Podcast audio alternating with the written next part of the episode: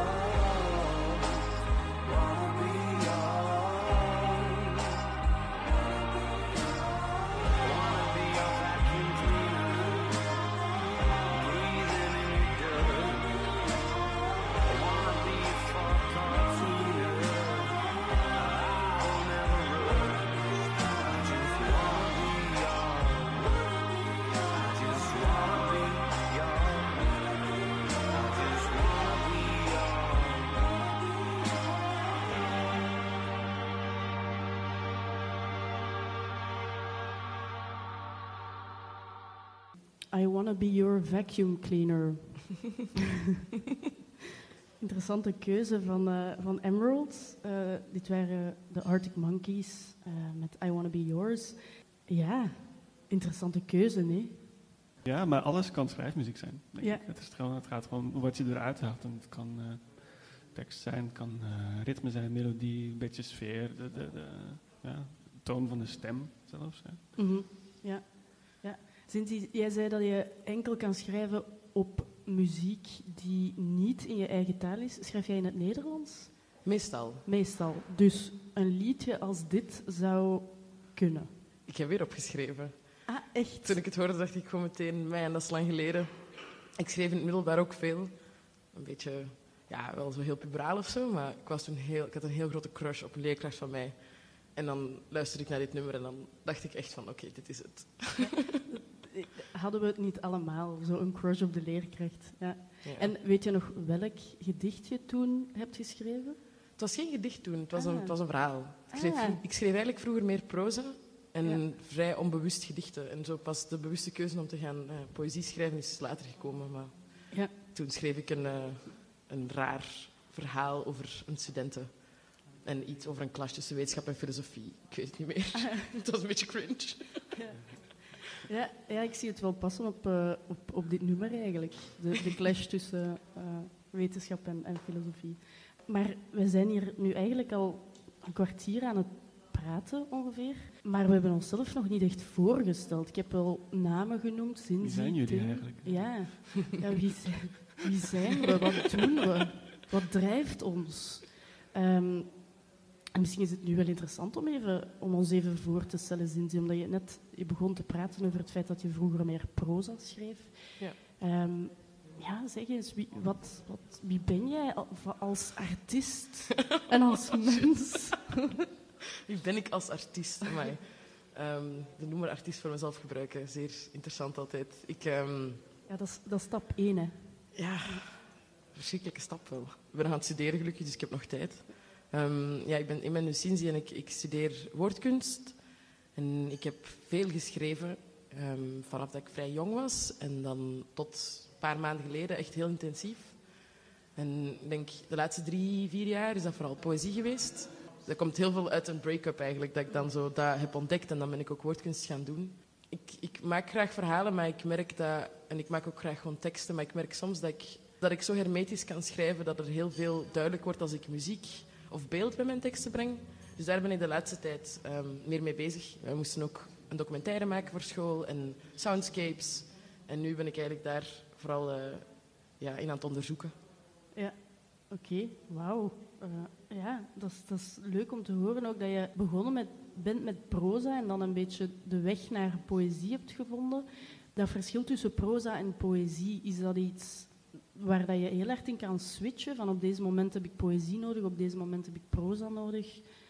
Ja, amai. Ja, Ja, ja, ik switch daar echt enorm in. En nu ben ik ook terug meer proza-achtige dingen aan het schrijven. Het is zo wat tussen dagboekvormen en bedenk, allee, bedenkingen of zo wat, ja, vragen bijna, waar ik dan zelf een beetje op begin te antwoorden. Ehm, en ik denk dat ik poëzie heel lang nodig heb gehad en dat dat echt vanzelf kwam. Omdat ik gewoon met veel, gevoel, eh, vrij- veel vrij intense gevoelens zat en van daaruit eigenlijk altijd ineens directe inspiratie kreeg voor een gedicht en dat, dat vloeide er dan helemaal uit. En de laatste tijd, ik schrijf nog wel gedichten, maar het is heel anders of zo als er niet die, die heel inherente innerlijke push is of zo ja, om iets, iets, ja, iets te willen zeggen ja. daarover. Ja, heb je het gevoel dat poëzie meer kan gebruikt worden als het, als het even snel van de schouders moet, de emoties? Als het... Ik heb het gevoel dat...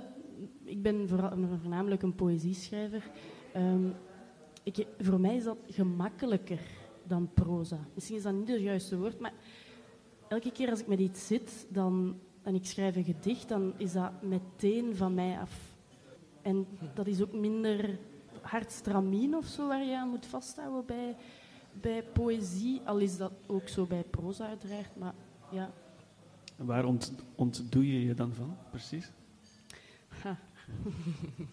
Dat, is een, dat is een heel intieme vraag eigenlijk. Ehm, het is misschien het grootste cliché, maar liefde. Hè. Liefde is een, een thema waar ik wel heel vaak rond schrijf. En dat zijn vaak wel emoties of, of ja, ik ontdoe mij van emoties rond liefdesverdriet. Maar ook, dat hangt een beetje af van de moment. Ik kan ook heel activistisch schrijven. Als ik heel boos ben, dan draait het rond alles behalve liefde. Ik vind woede ook een interessante emotie om je van te ontdoen Ja. tijdens het schrijven. Ook omdat etymologisch gezien woede komt van inspiratie. Alleen woede en Mm. inspiratie zijn etymologisch verwant. Van wodan, van bliksem, blikseminslag, inspiratie. Dus dat heeft eigenlijk, dat is Ah. verwant aan elkaar. Ja, en ik vind het ook interessant om dat op te zoeken. Of om dat proberen op te zoeken. Maar Ja. ook heel moeilijk, vind ik. Ik. Ik merk dat, ik vind het heel interessant dat je ook zegt dat je activistisch schrijft, of dat je je woede als inspiratiebron aanhaalt, omdat ik vind dat zelf heel moeilijk om, omdat ik dat zo kwetsbaar vind, om, Mhm. da- om van daaruit te beginnen schrijven. Mhm. Ja, het is zo dat het wel. Ik, ik- als het, het, is- het is vaak dat het pas ehm, een periode nadat iets gebeurd is waar ik boos van ben geworden, dat ik de ruimte heb om erover te schrijven. Ik kan dat absoluut niet meteen na de gebeurtenis, omdat ik dan ja, veel te hard denk, F you. ik weet niet of we mogen vloeken op deze radiozender, maar eh, ja. Eh, nee, nee, dat duurt wel altijd even. Dat is, dat is waar. Het is, het is ook iets heel kwetsbaar, denk ik. Zeker als het catcalling... Dat zijn allemaal zaken waar ik heel hard over schrijf, die mij boos maken. Dat zijn ook heel kwetsbare dingen. Dus dat heeft ook wel even tijd nodig. Ja, Mm. ja. En jij. Tim? En wat? Is woede voor u een grote inspiratiebron dan? Op dit moment schrijf ik dus eigenlijk niet. Dus ik zit eigenlijk ook een beetje... Ik kan daar niet goed op antwoorden, omdat ik daar nu niet mee bezig ben. Dus ik moet het dan hebben over dan vroeger. Inspiratiebron wel, maar misschien niet directe emotie. Omdat het gevaar is dan altijd dat het te veel één op één wordt. Ik ben boos, dus ik schrijf een boos gedicht. Allee, dat is nu, Mm. denk ik niet, dat, dat vind ik niet zo interessant. Maar ik vind wel, want ik ben boos, dus ik schrijf een boos gedicht, is misschien ook wel niet altijd juist. Ik ben boos, dus ik schrijf een gedicht dat misschien niet per se boos is, maar, maar wel, ja, ik weet niet, een ander, een ander gevoel, maar waar boosheid wel het startpunt is geweest of zo. Ja, dat kan Ja. inderdaad wel. Oh, maar Tim, je hebt al vijf jaar niet geschreven dan? Of Of langer eigenlijk. langer? ja. Wow. Ja. En heb je een writer's block of gewoon geen... Ja, ik denk, ik vind ook altijd, ja, writersblok. Ik denk, ik, ik heb wel zin om te schrijven.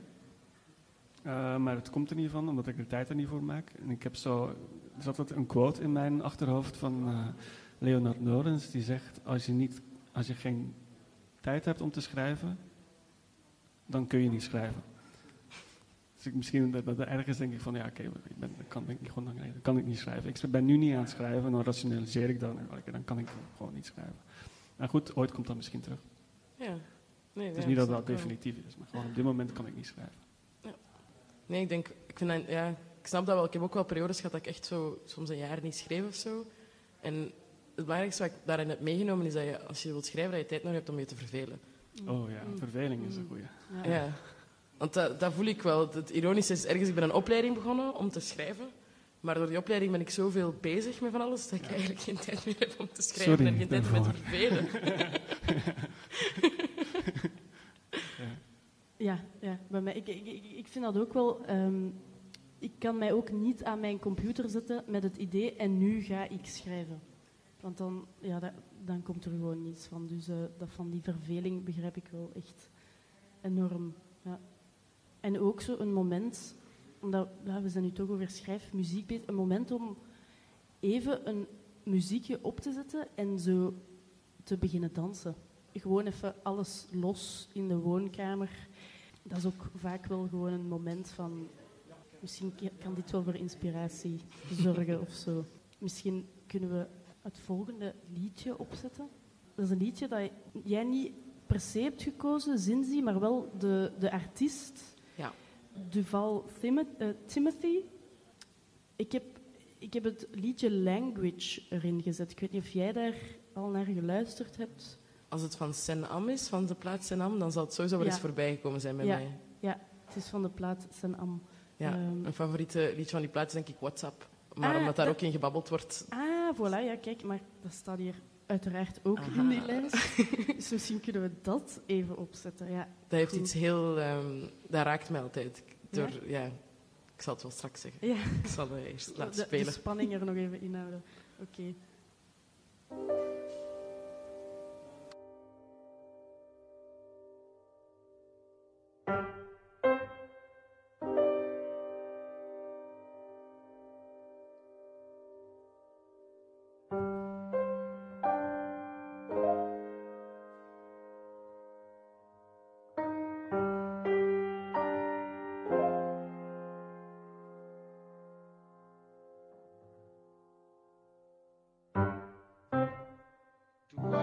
Day, sir. Uh, how are you? I hope you're fine and your family. This is Emerson speaking to you. Long time. How is everything? Mr. Cassimo is by my side, listening what I'm saying to you. Duval, everybody miss you sincerely. I hope you miss us too again. How is ABA? Is she doing well? Oh yes, uh, before I forget, Duval, my English girl, please, if you have, if if you got our photos, let me see. Please, I want to see the photos of my English girl. You promised to search for me. Mr. Kasim is here. I think he want to say something. Hi man, how you doing? Yeah. I just want to know how you doing, man. I'm doing something. I'm, I'm, I'm in WhatsApp. I'll get you back later. Yeah, that's Mr. Gassimo. Duval, Duval, Mr. Duval, Emerson. Thank you very much. I hope you reply me well. Yeah, take care.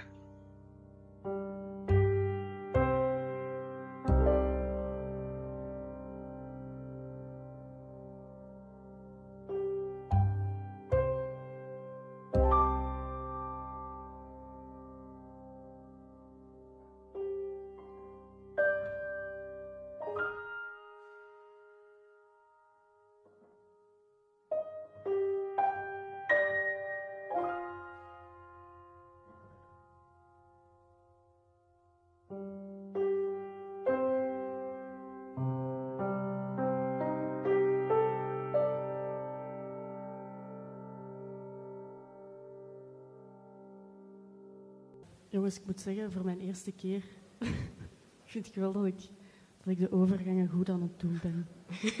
Ik vind dat ook. Bezig.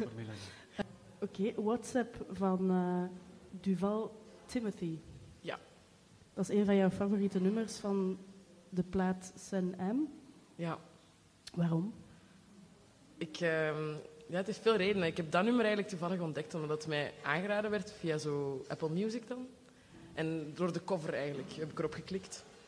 Maar eh, het moment dat die familieleden van hem of vrienden van hem begonnen te spreken... Ik heb zelf familie in Ghana dan. Hij is van Sierra Leone, denk ik. En de manier van praten, de, het accent op het Engels of zo, is zo herkenbaar. En ook de dingen waarover er gesproken wordt, zijn voor mij zo op een vreemde manier heel... Ja, gemoedelijk of zo om te horen. Omdat ik, ik herken dat van mijn, mijn broer in Ghana, die dat voice messages inspreekt, of mijn vader. En je hebt- ja, ik heb niet zo'n grote, niet zo'n gekke band met die familie, ik ken die ook niet zo goed. Maar die manier van spreken, die manier van met elkaar omgaan en dat heel familiaire toch, zo die, dat hij ook zegt van my English gal, hè, vertel mij hoe daar is in Europa, dat komt bij mij heel, dat, allee, it hits home. Ja. Dus dat is iets dat mij zo direct in een, een, heel, ja, een heel kwetsbare sfeer brengt ook om te schrijven of zo. Met die zachte piano daaronder het is en Ja. ja. een beetje contrabas, is wel Ja. aangenaam. Dus als je dan dat liedje opzet tijdens het schrijven, dan, dan gaat de poëzie dan automatisch iets warmer of, of iets sentimenteler zijn? Ja, ik denk het wel. Misschien is sentimenteel een groot woord, maar Ja. ik ben iemand die wel vrij hermetisch kan schrijven of heel dens of zo qua Mhm. taalgebruik. En het laatste jaar ben ik ook een beetje aan het proberen om daar meer kwetsbaarheid in te steken en om toch fragiliteit aan mezelf te durven tonen door niet alles te ja, verschuilen achter woorden die ingewikkeld zijn of Mhm. Ja, zinsconstructies ja. die niet echt de betekenis door laten komen. En die plaat heeft mij heel veel geholpen door zijn sfeer gewoon om toch de keuze te maken voor een ander woord of een andere zin of toch Ja. iets te durven opschrijven zonder het gevoel te hebben van oh, dat is een beetje gênant. En daar Ja. ben ik wel heel blij mee ook. Ja. Ehm, ik vind het interessant dat je zegt ehm, moeilijke woorden of, of meer... Ja, niet, niet dat, dat simpel taalgebruik. Ik weet niet of simpel het juiste woord is.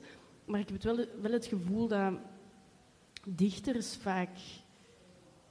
En ik spreek nu misschien vooral over mezelf, want ik, ik kan natuurlijk niet over anderen spreken. Maar het gevoel eh, dat, dat we ons heel vaak verschuilen achter hoe moeilijker de woorden, hoe moeilijker de zinnen, hoe moeilijker het taalgebruik, hoe beter de poëzie, hoe mysterieuzer de poëzie, hoe meer dat mensen gaan denken, wauw.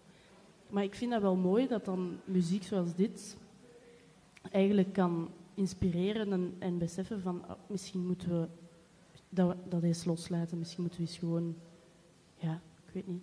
Ja. Ik, ik geloof daar wel in. Ik denk, vroeger schreef ik dan zo vaak wel gedichten en mijn taalgebruik is nooit meer zo echt zo... Ja, als ik zeg moeilijke woorden, Ja, het is ja. niet allee, Nee. mega intens of zo, denk ik. Maar ik schreef wel meer gedichten die heel gesloten waren. En dan had ik altijd de attitude van, ah ja, maar ik, ma het maakt niet uit wat je in mijn gedicht leest, dat is allemaal correct. En steeds meer begin ik ook wel te voelen van, dat ik het ook belangrijk vind dat ik de moeite doe om mijn hand uit te reiken naar wie iets leest van mij, in plaats van dat zij alleen maar al het zoekwerk moeten gaan doen. Ja.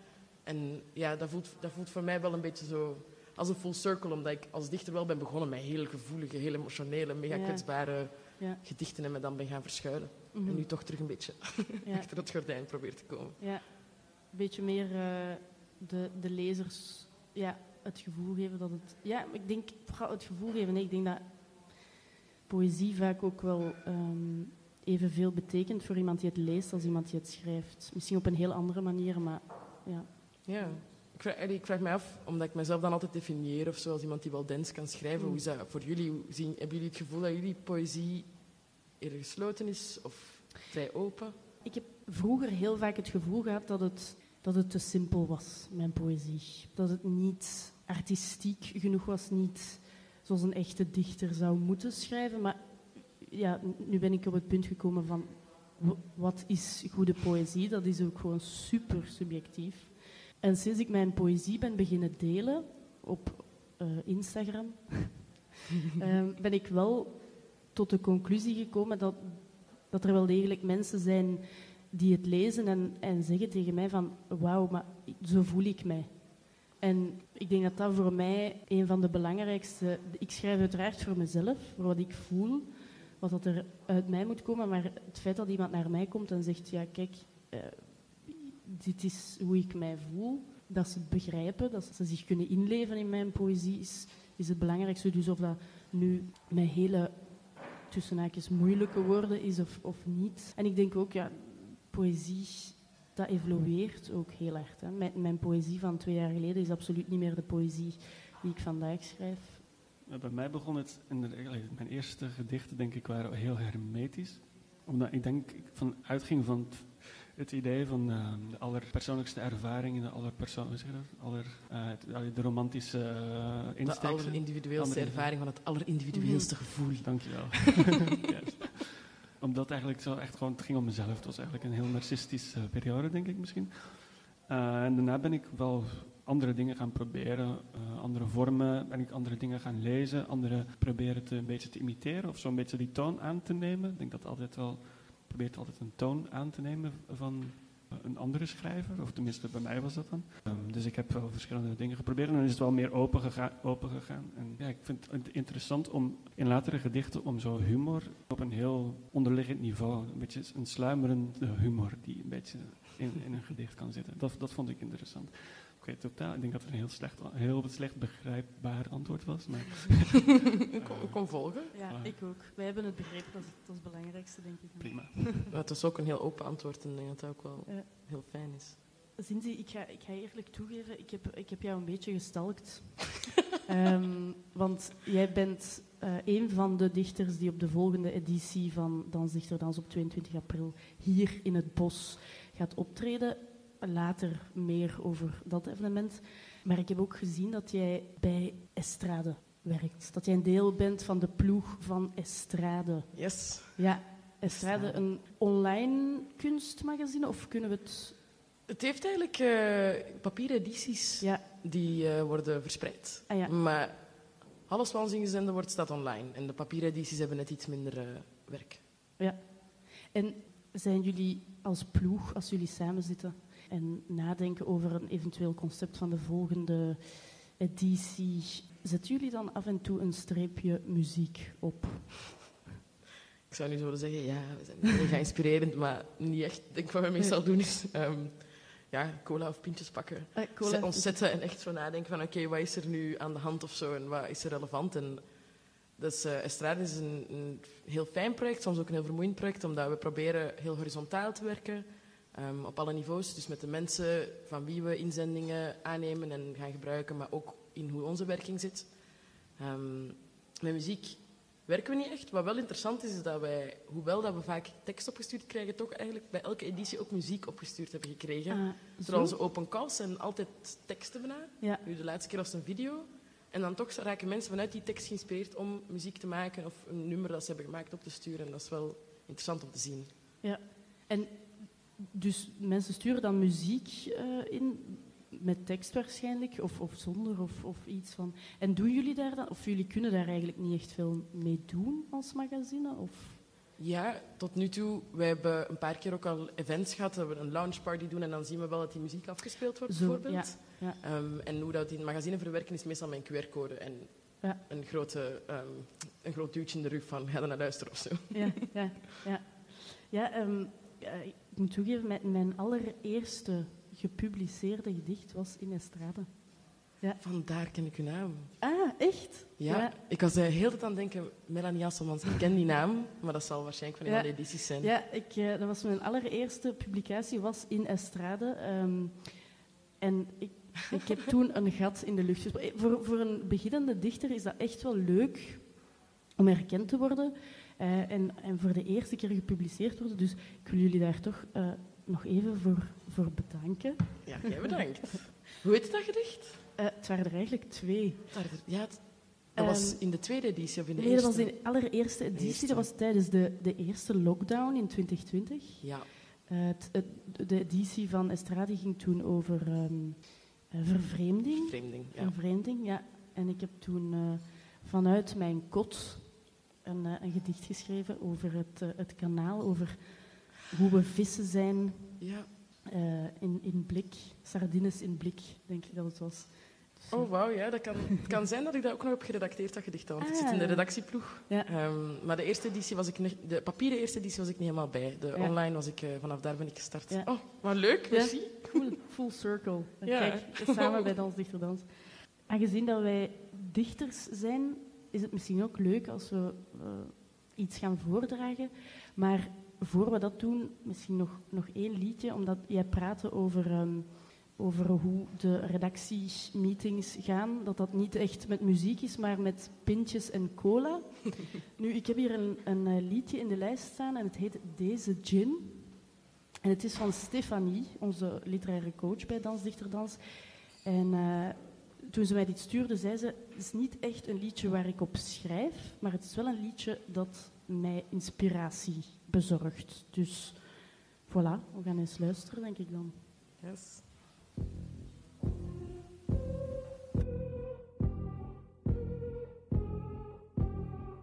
Deze gin, die gaat erin. Voor elke zin die ik ontbeer. Ik heb geen waarheid om te preken. Geen geluk dat ik wil faken. Ik vier het nu. En graag met u.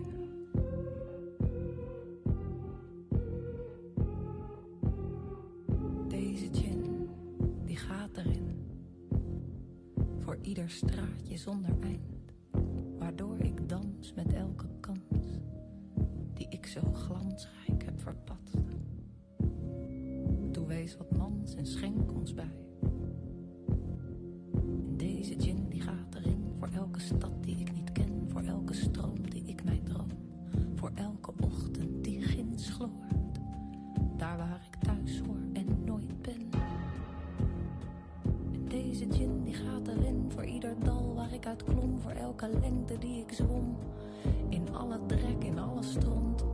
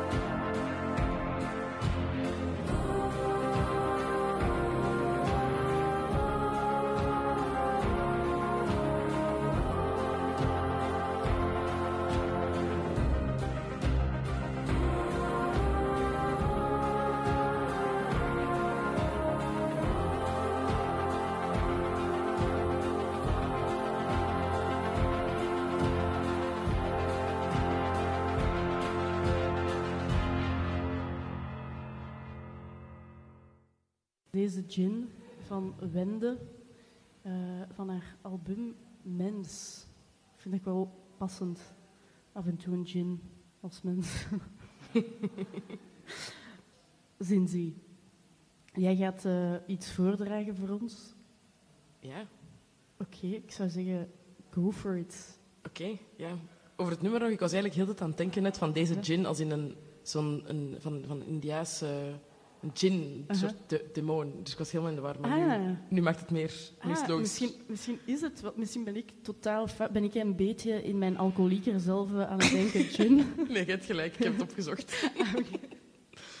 ik zal eh, een gedicht voordragen. Een van de laatste gedichten die ik heb geschreven die ik zelf goed vind. Mhm. Ehm, Een beetje context. Ehm, ik heb sinds een tijd nu een liefje. En eigenlijk met het verliefd zijn of zo ben ik gestopt met schrijven. Ik, snap, ik snap u volledig. Ja, Wat dat zo heel typisch is of zo, is- maar dan is het mij toch ook overkomen. ja. Het is heel cliché, maar, maar ja, in clichés zit dan altijd een grond van waarheid natuurlijk. Ja. Ja, en, en eh, dit gedicht heb ik geschreven, denk ik, niet zo lang nadat ik hem had leren kennen. En dan was het allemaal heel pril en we zaten ergens op een, een, een filmavond van vrienden van hem. Zijn, ehm, iemand die zijn band drumde, eh, gitaar speelt, die had met zijn vriendin eigenlijk een film gemaakt over hun break-up.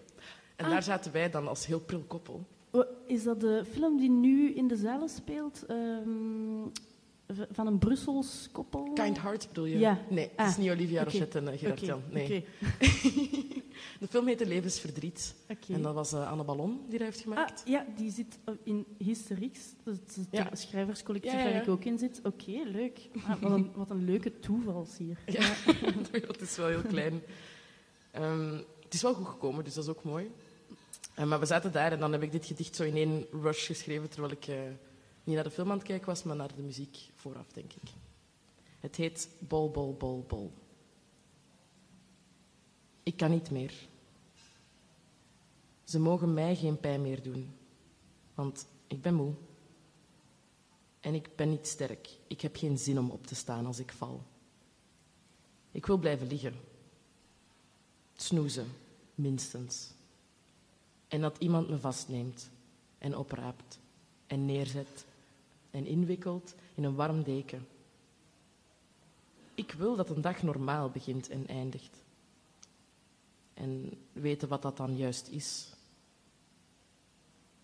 Of misschien zou ik me beter voelen als ik alle hoop op wat normaal is opgeef. En afdaal, afdaal.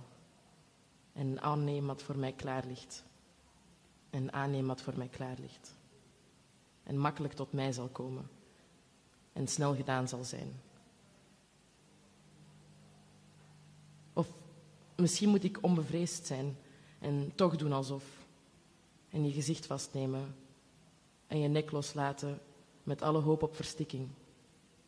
Alle hoop op versmelting. En gewoon naar je kijken. En zeggen dat ik van je hou. En mijn tranen voor mezelf houden. Want ik vergeet steeds wat ik zie. Geloof niet wat ik hoor. En weet niet hoe het eindigt. Ik omarm je. In veelvoud omarm ik jou. Een onderkoel lichaam, een onderkoeld lichaam, het mijne. Brand zich aan jou. En de blaren zal ik met lavendel verzorgen. Als ze genezen, zullen tenminste de littekens blijven. Nee, ik weet dat die ook vervagen. Dat alles voortgaat. Dat de tijd de aarde om haar as stuwt. Dat wij in die beweging onvermijdelijk vervormen. Dat we waar we bij staan vergeten worden. Dat de celdood onomkeerbaar is. Maar ik zie je graag. Nu. Wauw. Eh, Wauw. Ik, ik, ja, ik ben er even stil van. ja, nee, echt eh, mooi. Ja, Dank je. ja. Ehm, en je hebt dit geschreven, of, of beginnen schrijven, terwijl je naar de muziek aan het luisteren was, die voorafgaand aan de film begon. Ja, Mag ik dan aannemen dat dat misschien iets stillere muziek was, iets tragere. Ja, het was vooral eh, emotioneel. Ik denk dat dat toen... Ik ben niet meer helemaal zeker wie het precies waar, maar ik denk dat sowieso Julien wel aan het spelen was, met, met, de gitaar ook. Maar heel dat moment, dat was ook zo wat een, een gekke dag op een plein in Anderlecht en het was nog goed weer. September denk ik ergens. En dan ineens die muziek bracht mij ook in een sfeer en dan daarna hoorde ik even niks meer. En was ik gewoon dat aan het uitschrijven en dan Ja. lag het skelet daar. En dan later heb ik het uitgewerkt. Ja, Ja. Ja. Ik, ik vond het ook mooi. Ehm, je hebt een mooie stem. Dank je. Ja, ik vind het ook. ehm, ik vind het heel mooi op zichzelf, maar ik, ik kan het zo op muziek zien ook. Ik weet niet of dat, dat eventueel de bedoeling is, omdat. Of, of, ja, of dat, dat dat kan, maar dat is. Ja, dat is wel de hoop. Ik, ehm, ik merk dat dat bij mijn gedichten misschien ook wel helpt.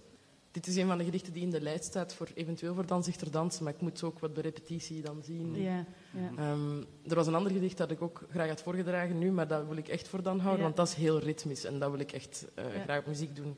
Dus dat is wel een, eh, iets waar ik naar uitkijk, ja. ja. En wat ik wil blijven doen. Wil je graag experimenteren met, met muziek, met audio, met muziek op poëzie? eh? Ja, mee Even- bezig ook. Ah ja, oké. Ja. Nee, we, we, we, leren ook audio maken op school. Heel interessant blok gehad ehm, Mm. voor de vakantie. En dan ben ik begonnen met het idee van, oh, misschien wil ik een soort ja, EP maken met heel veel machinegeluiden en dan Ja. gedichten eronder. En mijn vriend die maakt ook muziek. Dus misschien dat we ook samen kunnen werken. Wat Ja. nog leuker zou zijn. Dus dat, eh, ja, dat zit er wel aan te komen, hopelijk. Ja, ja dat, is, dat is stiekem, ook een kleine droom van mij. Muziek en poëzie. Ik heb, ik heb het al, ik heb er al van mogen proeven bij Dans Dichter Dans. Jij gaat dat ook mogen doen. Jij schrijft op muziek. Jij, het kan jou inspireren voor het eh, schrijfproces, tijdens het schrijfproces. Ik heb, zoals ik al heb gezegd, ik kan dat niet. Ik kan niet schrijven op muziek. Bij mij is het er vooral ervoor. En een van de artiesten waar ik enorm naar opkijk, die er ook voor heeft gezorgd dat ik ben blijven schrijven. En vooral blijven schrijven in een soort van dat activistische, dat meer ritmische eh, in mijn poëzie. En dat is Kay Tempest. U allen misschien wel bekend, hopelijk. Als dat nog niet zo is, dan verplicht ik jullie nu om Kay Tempest te googelen. Ja. Wikipedia, whatever, YouTube. En voor mij is dat wel een van de artiesten die mij inspireert om te schrijven. De teksten die Kate Tempest gebruikt bij de muziek, maar ook de muziek die Kate Tempest gebruikt bij hun teksten. Ik heb, ik heb hun ook in de lijst gezet. Ehm, ja, ik, ik- moet nog een beetje hen, denk ik. Dat Ja. we kunnen, hen ehm, heeft een album uit ook. Ah, die, ja, die, Die, heeft een album die, uit. die ja. heeft een album uit, ja. De titel is The Lion is a Curve. Uitgekomen op 8 april. Super album. Ik heb het op loop gezet, al twee dagen lang. en ik zou daar wel graag iets van laten horen. ja, ik ben ook benieuwd Ja. nu. Water in the Rain. Dat is momenteel een van mijn favorieten van Kate Tempest. Maar luister gewoon heel het album. En als je toch bezig bent, luister ook The Book of Traps and Lessons, hun vorige album. Want ja, dat is gewoon de max. Eh, maar hier is eh, Water in the Rain.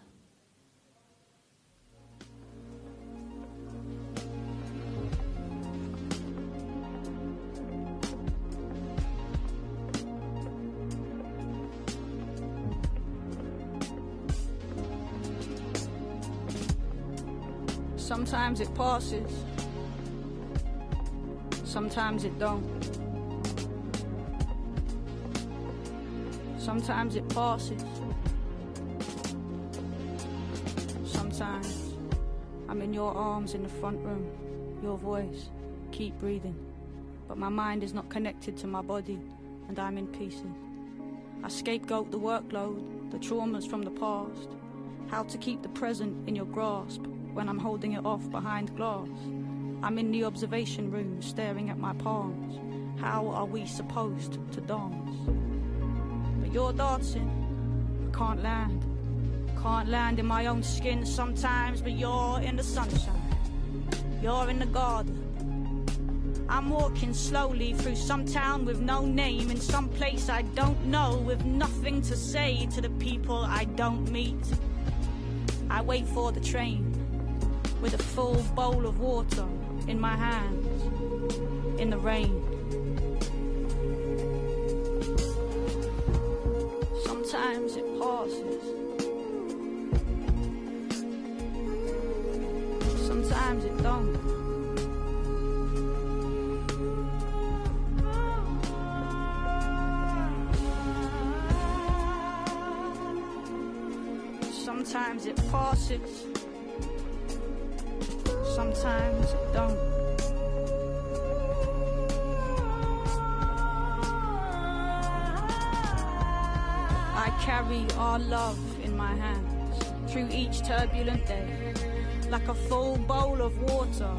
In the rain. My tenderness for you, my hopes for our lives, one careful step at a time. Don't spill a drop, don't drop the bowl, don't lose hold, don't lose control. Stay measured, stay focused, stay present, stay close to the task. When the days are too slow or too fast, I just carry our love in my hands.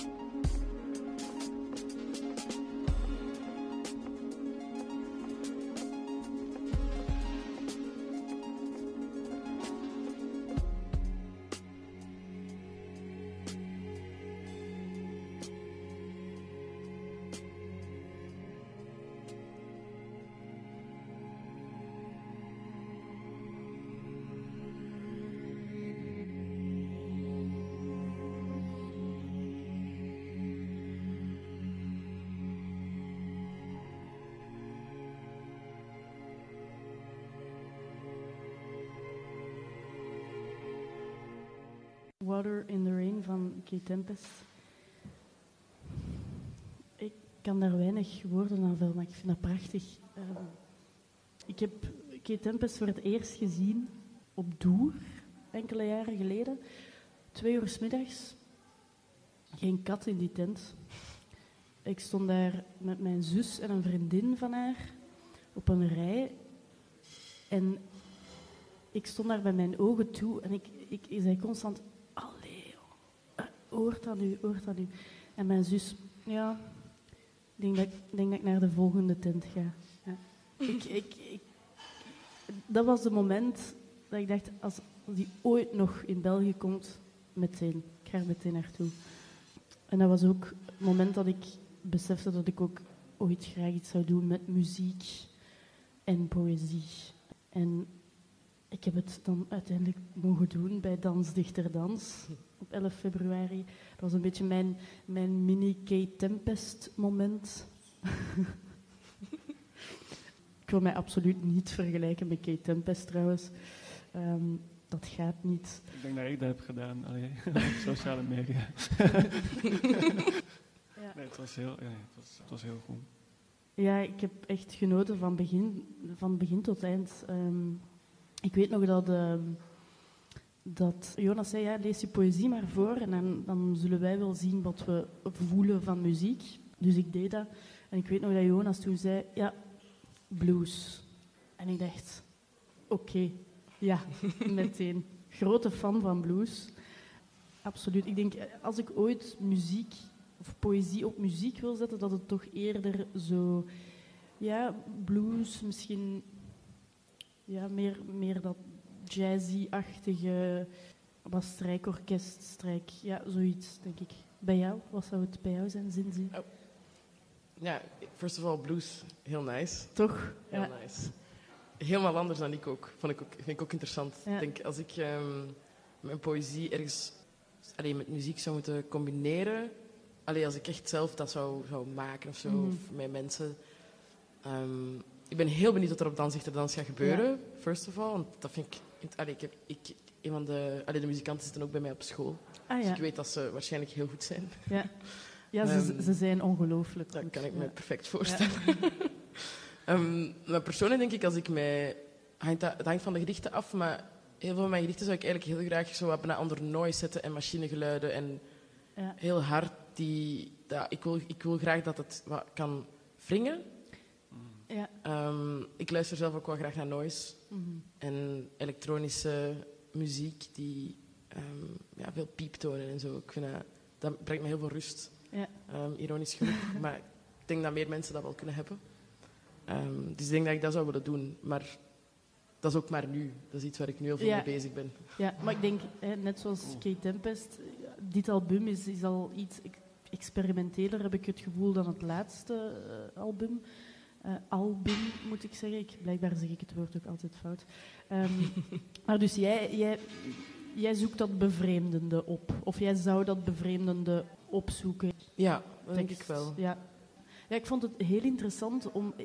Ik heb nooit nagedacht over wat voor soort muziek er dan op mijn poëzie zou passen, totdat Jonas en de band van Dans Dichter Dans zeiden: Dit is blues. Dus het is wel interessant de anderen je, je tekst horen en, en dan daar een, een bepaald genre van muziek gaan opplakken. Dus eh, ik ben, ben benieuwd naar. Ik, ik vind het spijtig dat ik er niet bij kan zijn vrijdag.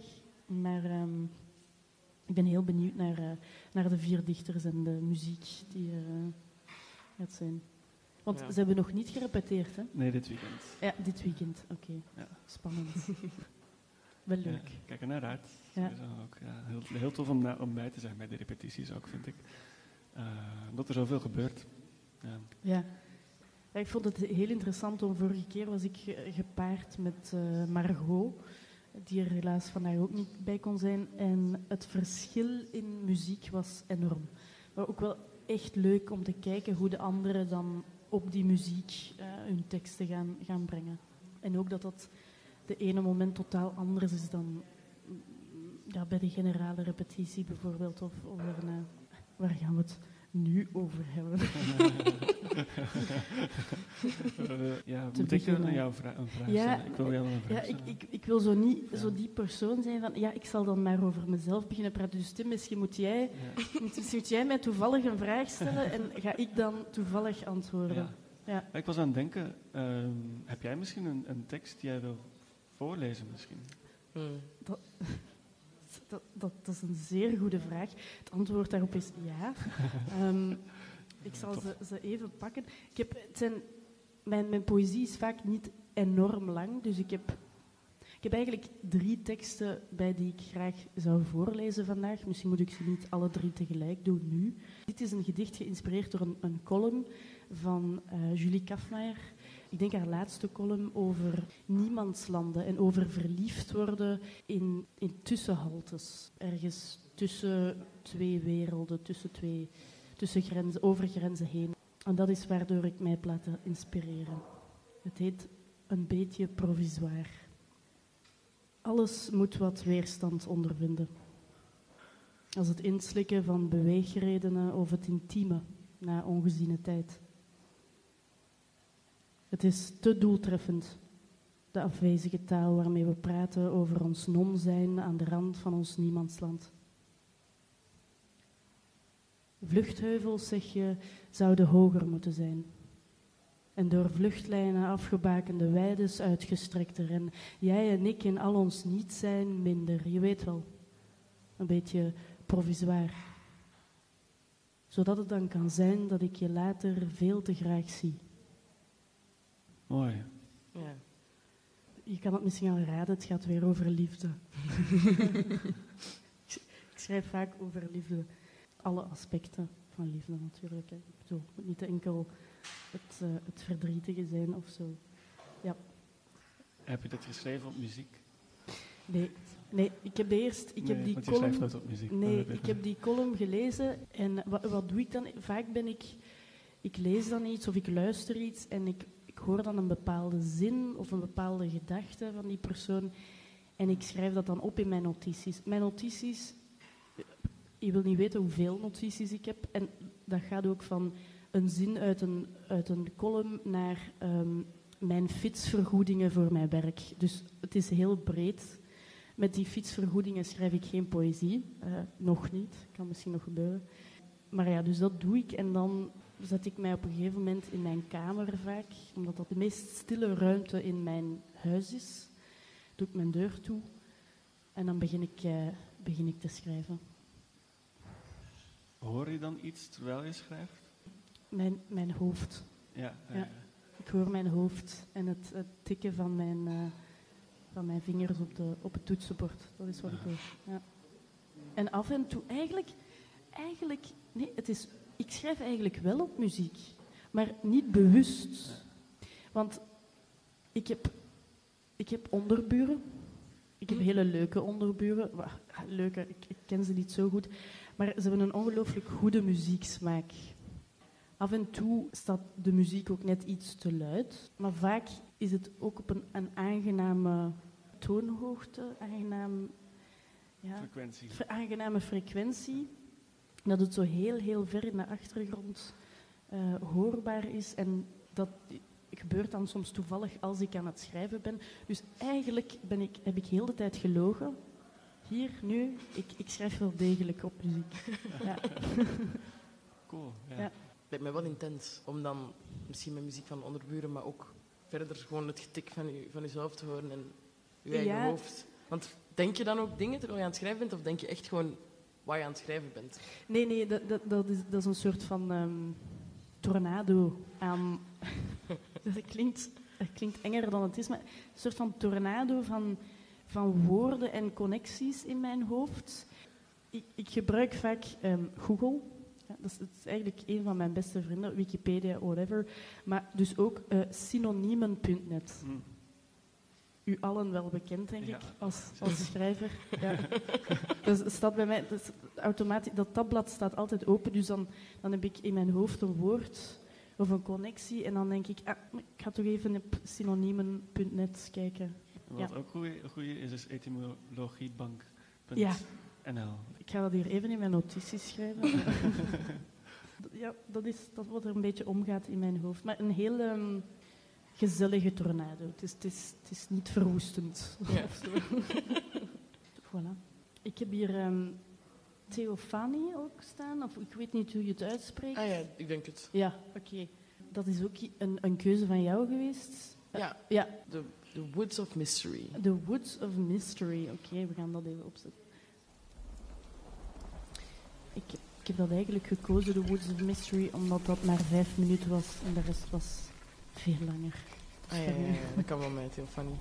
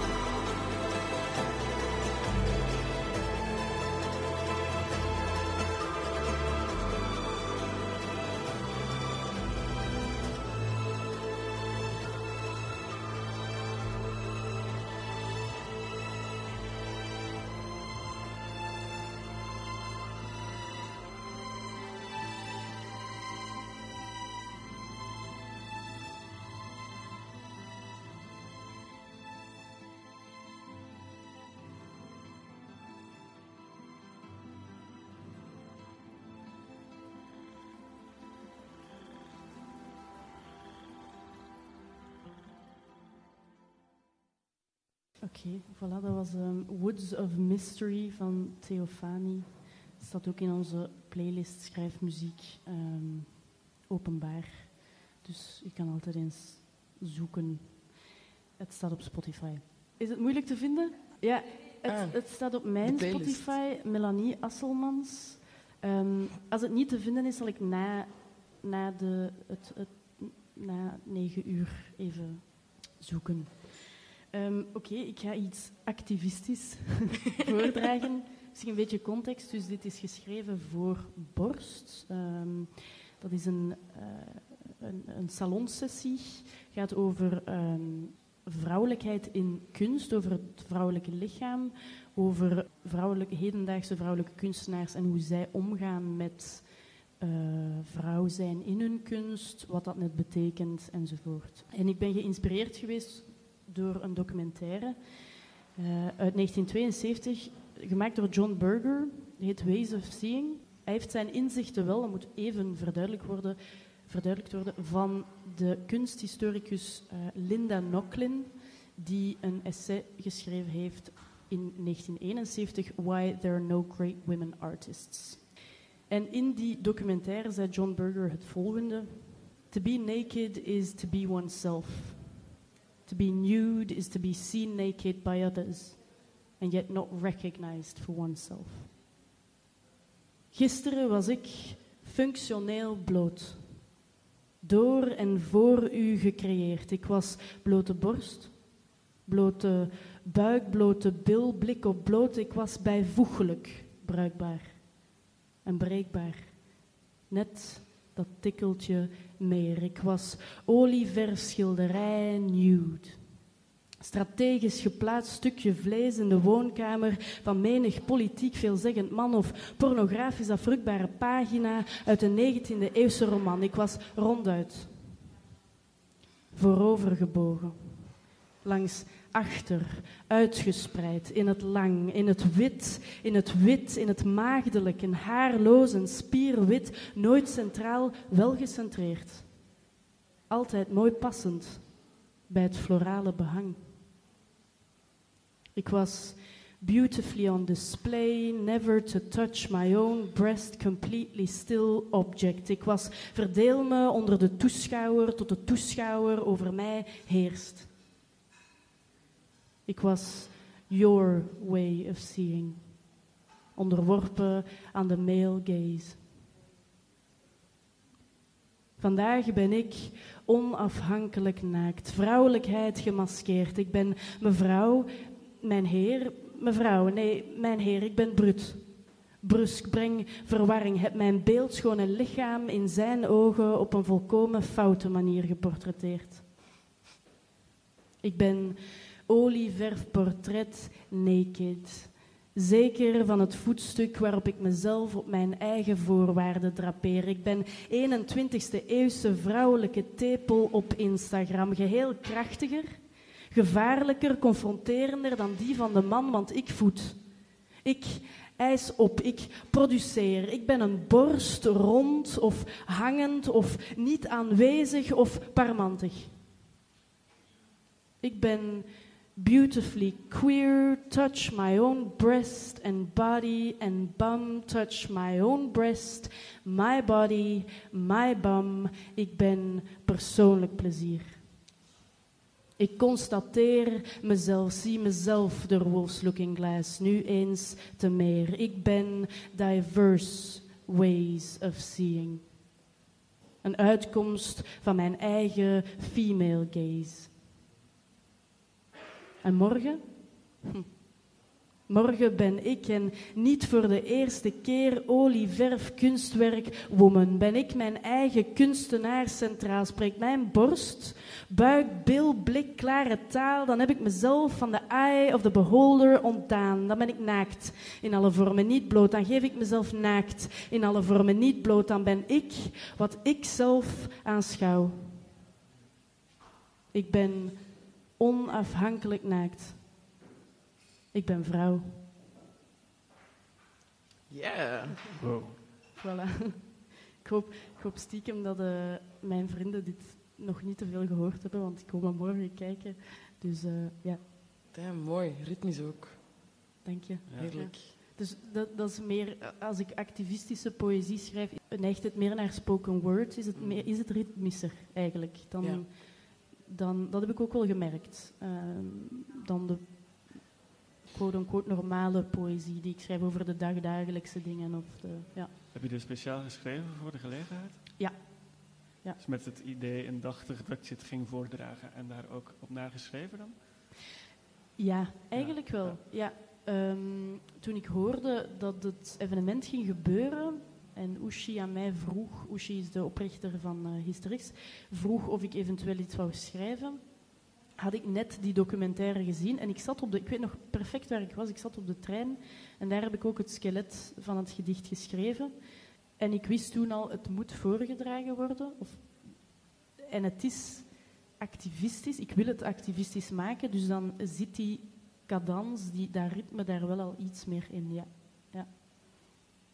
Ja, dat, is, dat is wel waar. Had je het anders geschreven als je wist dat het niet voorgedragen zou worden? Dat is een moeilijke vraag. Ik denk, ik denk dat ik daar ook geen antwoord op kan geven. Ja, goh, dat is, ik- dat is wel een hele interessante vraag. Ik denk het niet. Want ik denk dat ik dat heel hard verbind. Dat activistische schrijven met dat spoken word. Ik denk dat Ja. voor mij... Ik vind spoken word een heel krachtige vorm van poëzie. Als ik activistisch schrijf over onderwerpen zoals queer zijn, vrouw zijn, catcalling, eh, noem maar op, dan die, dat ritme zorgt er ook voor dat ik toon van ik, dit, ja, dit doet veel met mij. Ehm, en ik wil hier echt wel iets zeggen en ik wil dat het aankomt. En ik denk dat voor mij spoken word, dat doe. Als ik spoken word hoor, dan komt dat echt binnen. Dus misschien is het, ja, ik weet het niet. Ik, allee, ik weet ook niet of dit echt spoken word is. Ik, ik, maar ja, wat, wat is poëzie, wat is spoken word? Dat is natuurlijk, ja. Ja, spoken word is zodra het wordt. Ik vind dat wel dat ik. Waar ik tegen ben, Mhm. ergens, is Mhm. het woord voordragen. Ah ja. Omdat eh, je kunt je nee, eh, voordragen alsof je het draagt voor iemand anders. Alsof het Ah, moet worden, ja. worden gedragen voor iemand. Ik heb wel zo, ik, ik, poëzie, want hey, je zegt poëzie moet ook gelezen eh, worden of, of kan ook mooi zijn als het gelezen wordt.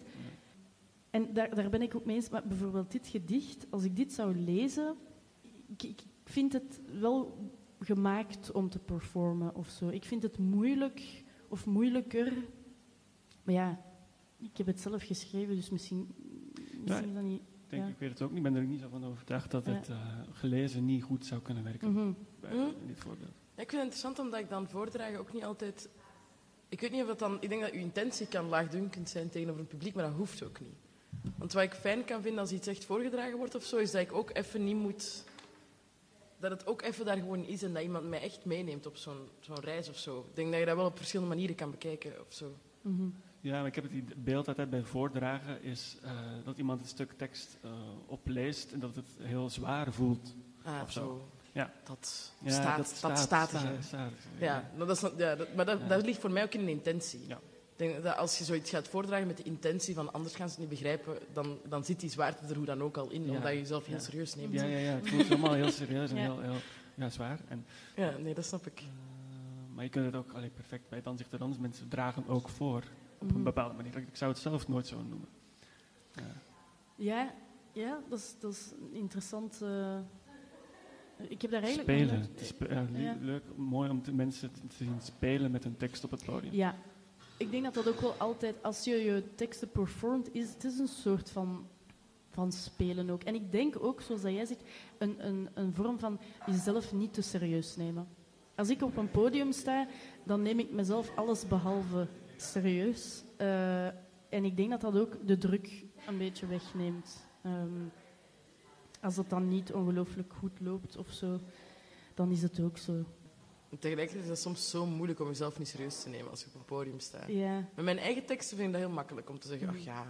En dan neem ik mezelf niet zo serieus, maar zeker als ik andermans teksten of zo moet gaan brengen, dan, ja dan is er zo'n wil... tussenvorm van ik mag mij ook niet, niet Nee, totaal niet serieus nemen, want dan doe ik misschien die andere persoon zijn tekst helemaal geen eer aan. En, ja.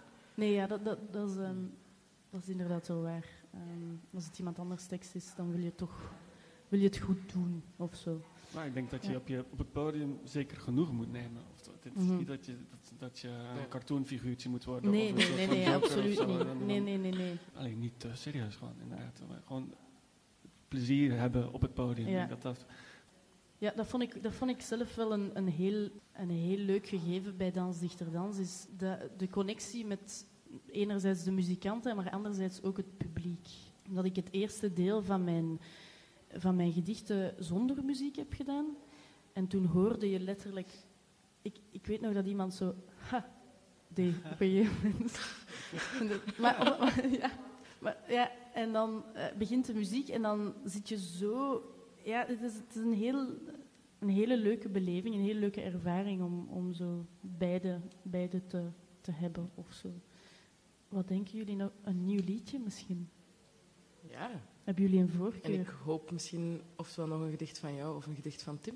Wel, ik wil heel graag een gedicht van Tim horen, Ja. eigenlijk. Oké. Dus- Misschien, misschien kunnen we een liedje doen en dan, en dan even luisteren naar eh, Tim, de, de oprichter van Dans Dichter Dans. Dus, eh,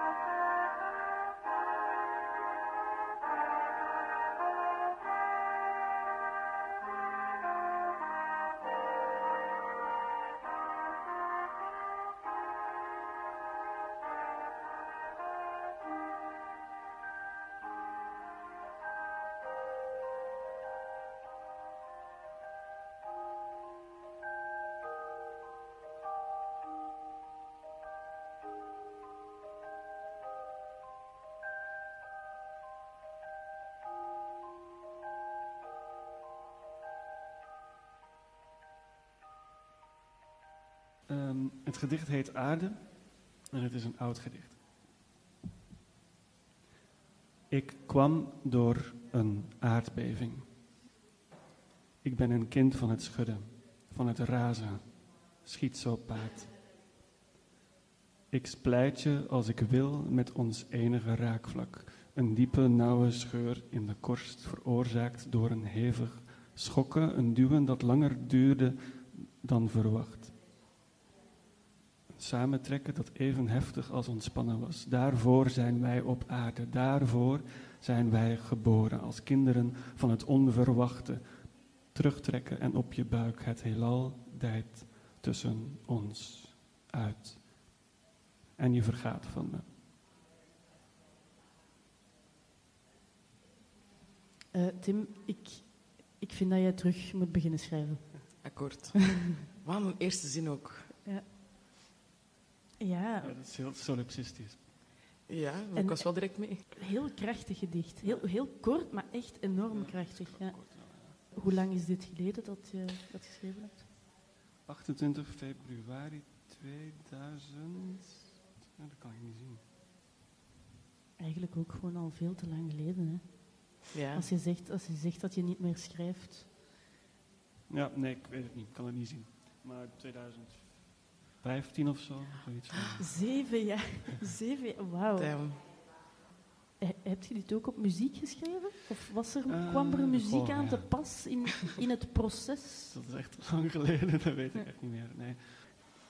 Mijn relatie met muziek en schrijven is dus ook wel dat ik graag ja, gedichten op muziek wil zetten. En dat is dan al... eh, eh, heb jij ook meegedaan met Dans Dichter Dans dan in het begin van... Ik heb één keer meegedaan toen er iemand uitviel. Ja. En dan ben ik zelf, heb ik zelf het podium genomen. Ik vond dat heel erg tegenvallen. En, Hoezo? Ehm, nou, ook omdat ik eigenlijk... Er was geen repetitie aan vooraf gegaan, dus het was echt improvisatie. Ik heb het niet gevoeld, ik zat niet in het, in het eh, moment.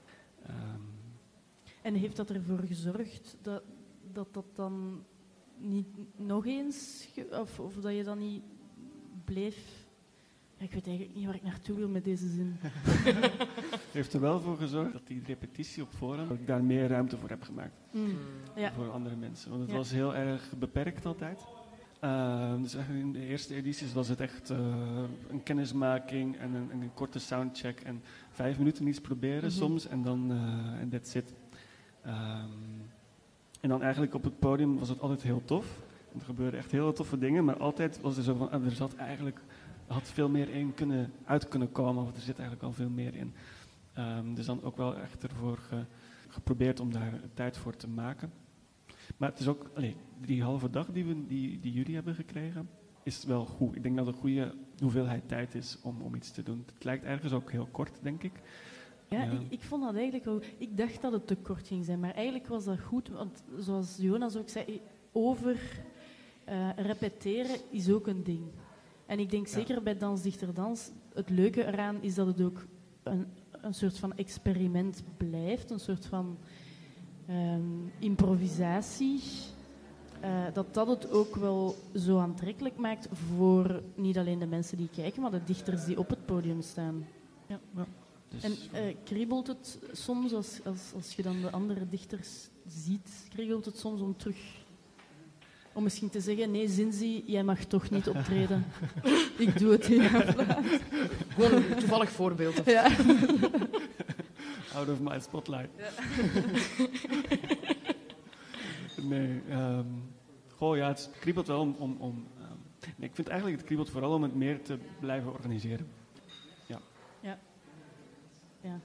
Ik ik denk dat dat ook wel ja, cool is, achter de schermen. We hebben al veel gebabbeld over muziek en over schrijven. We hebben zelfs al enkele teksten voorgedragen. We zitten hier nu met iemand die het gaat doen hè? en iemand die het al gedaan heeft, mezelf. En Tim, heb jij misschien nog vragen voor ons? Ik denk dat ik me vooral afvraag, dan misschien naar jou toe, Melanie, Ja. van, vond je dat ook zo eng ervoor? Ja, ehm, ik vond het ongelooflijk eng, maar op de beste manier mogelijk. Is dat, kan dat, eh, s- snap je wat ik bedoel? Ja, ik snap het wel. Het is zo... eh, ik vond eigenlijk de repetitie spannender dan de, het moment voor dat je dat podium op gaat. Ehm, Hmm. omdat... Ik, ik weet nog, als ik naar de repetitie ging... Ik wist absoluut niet wat ik moest verwachten. Maar echt, in geen verste, in van de verste verste niet. Ehm, en na die repetitie dacht ik, oké, dat moet wel lukken. En ik denk vooral het feit dat er ook drie andere mensen zijn die door hetzelfde gaan, of die hetzelfde mogen doen, dat dat ook wel een soort van rustgevend element is. Ja. Ehm, en ik, ik ging als laatste, ik weet niet wanneer, ja, dat, dat moet nog beslist moet nog worden zeker. beslist Ja. ja. Ik ging als laatste. Ik was eigenlijk heel blij dat ik niet als eerste moest. Ik vond het ergens ook wel eng om als laatste te gaan, omdat als je dan drie ongelooflijk getalenteerde dichters voor je hebt, is dat wel van oké, nu moet ik dat podium op. Maar het is wel goed gegaan, denk ik. Allee, dat vind ik toch van mezelf. Ja, dan is het fijn om deel te zijn van dat geheel, nee? Ja, absoluut. Ja, ja, ja, ja absoluut. Ik vind het nog altijd. eh, het was met Corinne, Margot, eh, Emerald. T- t- Er was ook, dat was ook mooi, vond ik. De proza van Corinne en dan de poëzie van Emerald, Margot en mezelf. Dat was ook Ja. een, een heel ja. andere iets. Ja, Ja, het was echt, het waren vier vers- heel verschillende ja, ja. ehm, sferen. Maar dus het valt wel mee hoor. En we werden ook eh, zeer goed geholpen door het gehele Dansdichter-dansteam. Als ik, als ik nog één tip mag meegeven aan, ehm, aan, aan u, Zinzi, Graag. hè, is, en die tip heb ik eigenlijk ook van Stefanie, want dat was ook de Max, een literaire coach, ehm, erbij, Stefanie Huismans, die ons heel veel tips... Dus vraag alsjeblieft ook veel aan Stefanie, zoveel mogelijk. Hè. Dat is altijd goed. Maar mijn tip is, leer uw teksten zo monotoon mogelijk van buiten. Ik had een, ik had een, eh, een bepaald ritme in mijn, in mijn poëzie. En dat zorgde heel hard voor een botsing met de muziek. Je moet heel hard luisteren naar de muziek en op basis van die muziek meegaan met uw tekst. En dat was in het begin heel moeilijk voor mij, omdat ik net dat ritme in mijn teksten had. Dus wat heb ik gedaan? Ik heb in de douche, op de fiets, overal waar ik was, zo echt heel monotoon mijn teksten van buiten gerammeld. Ja. Oké. Ja, eh, ook heel snel. En, en dan kent je ze van buiten, maar dan heb je wel ja, die, niet dat stroeven. Dan floot dat veel beter als de, als de muziek. Dan, eh, ja. Alright, misschien is dat een heel goede tip. Ja. Dan kan ik dat de komende dagen doen. Ja. Ja, ja. En mijn, mijn misschien één andere tip is: ehm, drink één pintje vooraf, niet meer. Dat is net goed. En dan daarna gewoon plezier. Want dat is ook, dat, dat, dat vind ik spijtig dat het bij ons niet geweest is, maar dat was toen volop corona. Dat was het feestje erna. Wij hadden geen feestje erna met corona. Ehm, dus ja, wordt dan de dansende dichter, zeg ik. Ja. I will. Dans de, de nacht in. Ja, Eh, voilà.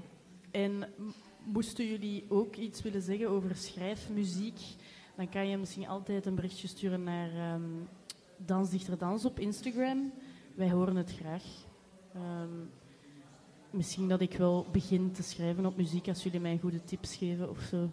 Dan denk ik dat we met een allerlaatste liedje gaan afsluiten. Ja, ik wil wel zeggen, en Melanie Tim, merci voor het gesprek. Eh, Ik heb eh, dan merci. toch twee zinnen opgeschreven. Ah. Toch geïnspireerd geraakt. Ah, eh, voilà. Ja. Dus eh, ja, nee, bedankt, vond het heel fijn. Ja, ehm, Ja, anders eh, ze bieden een drankje aan de bar. Hè. Graag. Nog een beetje babbelen. Hè. Ja. Oké, goed. Ehm, Oké, ik, ik zie hier toevallig Have a Nice Day van Sid Matters. En vind, ik vind dat wel een goede titel. Het is wel een droevig liedje. Ah, Ah, oh. nee. Dan denk ik dat, dat Ja. eh, Homeshake of zo... Oké, ja. Een leukere Ah, afsluiter. Ja, die is. hebben we nog niet gehad, Home Shake. Heb jij een voorkeur van Home Shake? Goh, hier op het papier staat Give It To Me. Give it, alright. Give it to me. Yes. Oké, goed. Eh, dit is Home Shake met Give It To Me. Fijne avond iedereen, hè, jongens.